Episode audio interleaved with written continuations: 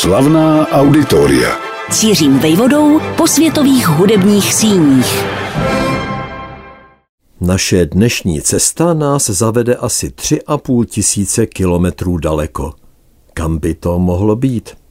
Skoro taková vzdálenost dělí Prahu od Lisabonu, jenomže my se za hudbou a za přírodním areálem, který už Alexander Dumas nazval rájem na zemi, vypravíme opačným směrem. Nikoli na západ, ale na východ, do kraje mnoha přírodních krás, jež berou v nížinách dech svou rozmanitostí a v horách svou nadmořskou výškou – zároveň ale do míst, která se zdají být naší středoevropské civilizaci poněkud vzdálená. A co víc dovedou být i docela nebezpečná. Však si představme, že jsme se ocitli v oblasti, která je obklopena zeměmi i územími tak výbušnými, jako jsou Čečna, Dagestán, Arménie, Azerbajdžán a konec konců také Rusko. Ostatně rozporuplný Krym se odtud nalézá jen asi tisíc kilometrů daleko. Bylo by ovšem třeba přeplout Černé moře. Opačným směrem se odtud nalézá moře Kaspické. Kde tedy jsme? A opravdu tady najdeme koncertní areál, do něhož váží cestu i nespochybnitelné špičky světové klasické hudby? Kolem nás se rozkládá skvěle udržovaný park. Před námi se tyčí přiměřeně rozlehlý palác, který už jistě něco pamatuje. O kus dál, za bujnou zelení, se ovšem rozkládá nejen moderní hotel, ale taky vinařství, včelařství a další stavby. Tu tradiční, jindy současné.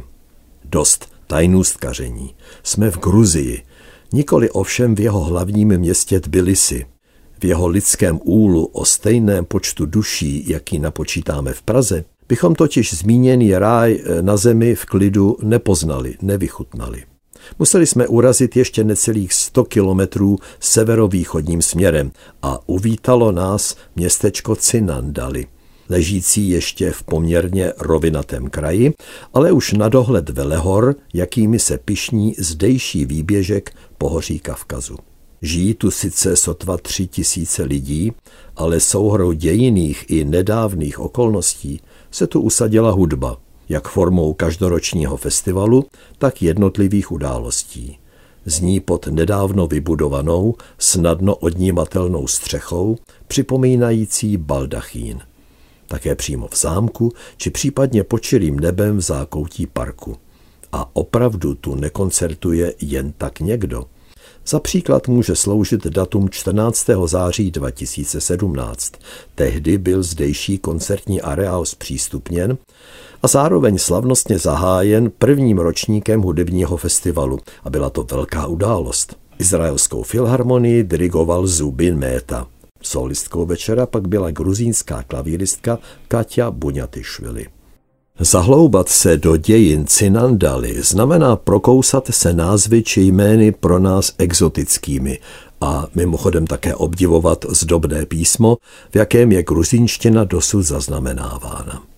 Nacházíme se v kraji Kakety v jeho oblasti Telavy. Pánem někdejší vesnice Cinandali, ležící v údolí řeky Alazány, byl oddedávna mocný rod Čavčavadze.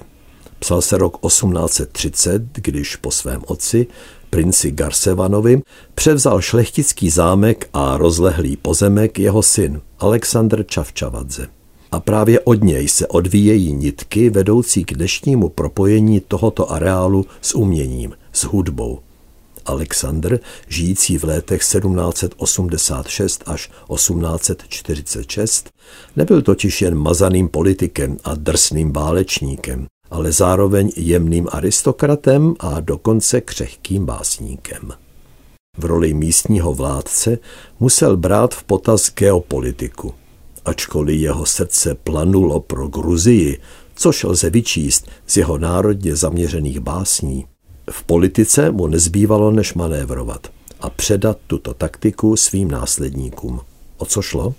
Na jedné straně nebyl Aleksandr Čavčavadze nakloněn mocnému Rusku, které mělo na malou Gruzii od jak živa zálusk.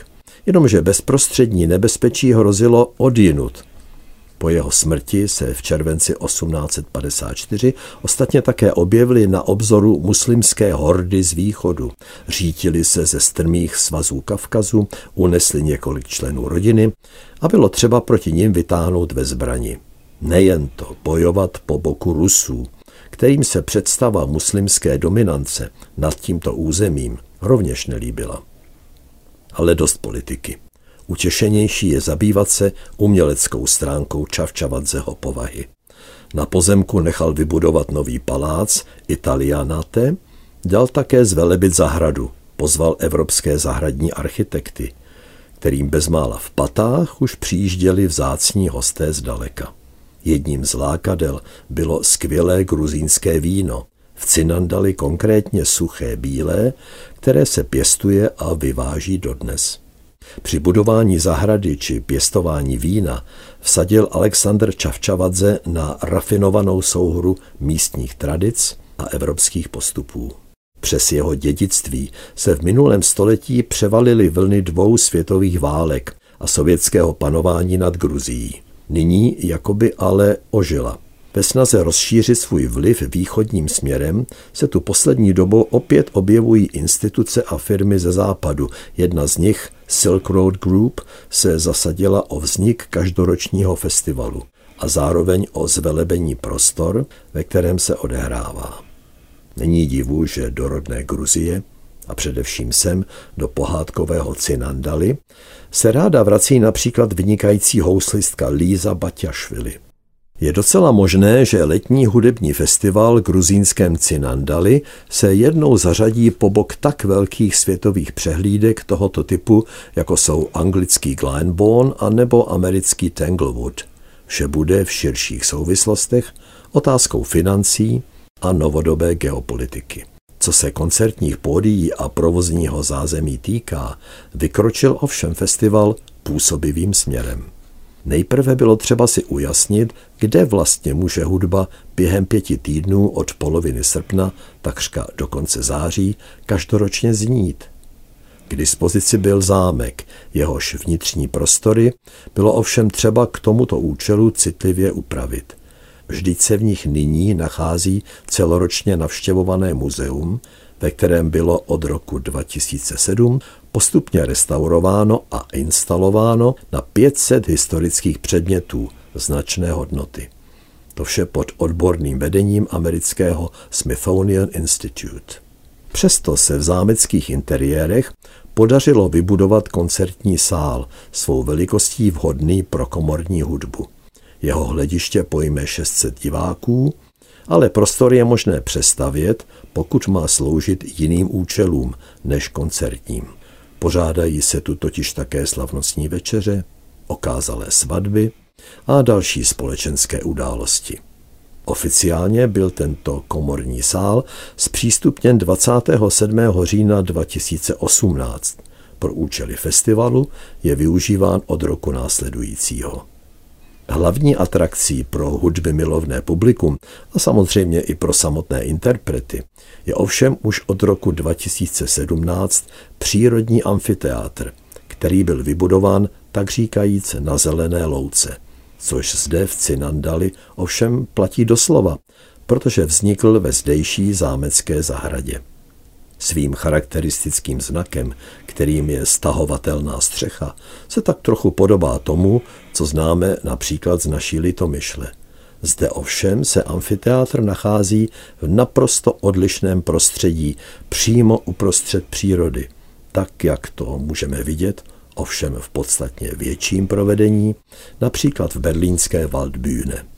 Návrh amfiteátru v Cinandali byl svěřen zkušenému francouzskému architektu, kterým je pařížan Xavier Fabre, ročník 1950, absolvent Curišské polytechnické univerzity, kde byl jeho mentorem významný Ital Aldo Rossi, držitel Pritzkerovy ceny, tohoto Oscara v oboru architektury.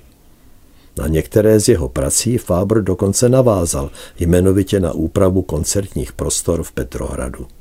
Velmi při svých návrzích dbá na akustiku. Zohlednit ji při návrhu amfiteátru pod čirým nebem nebylo jistě nic jednoduchého. V čele svého ateliéru vymyslel Xavier Faber pro Cinandaly optimální řešení, s nímž jsou spokojeny i globální hvězdy klasické hudby dneška. Publikum o síle 1200 diváků tady například nadchl americký houslový virtuos Joshua Bell.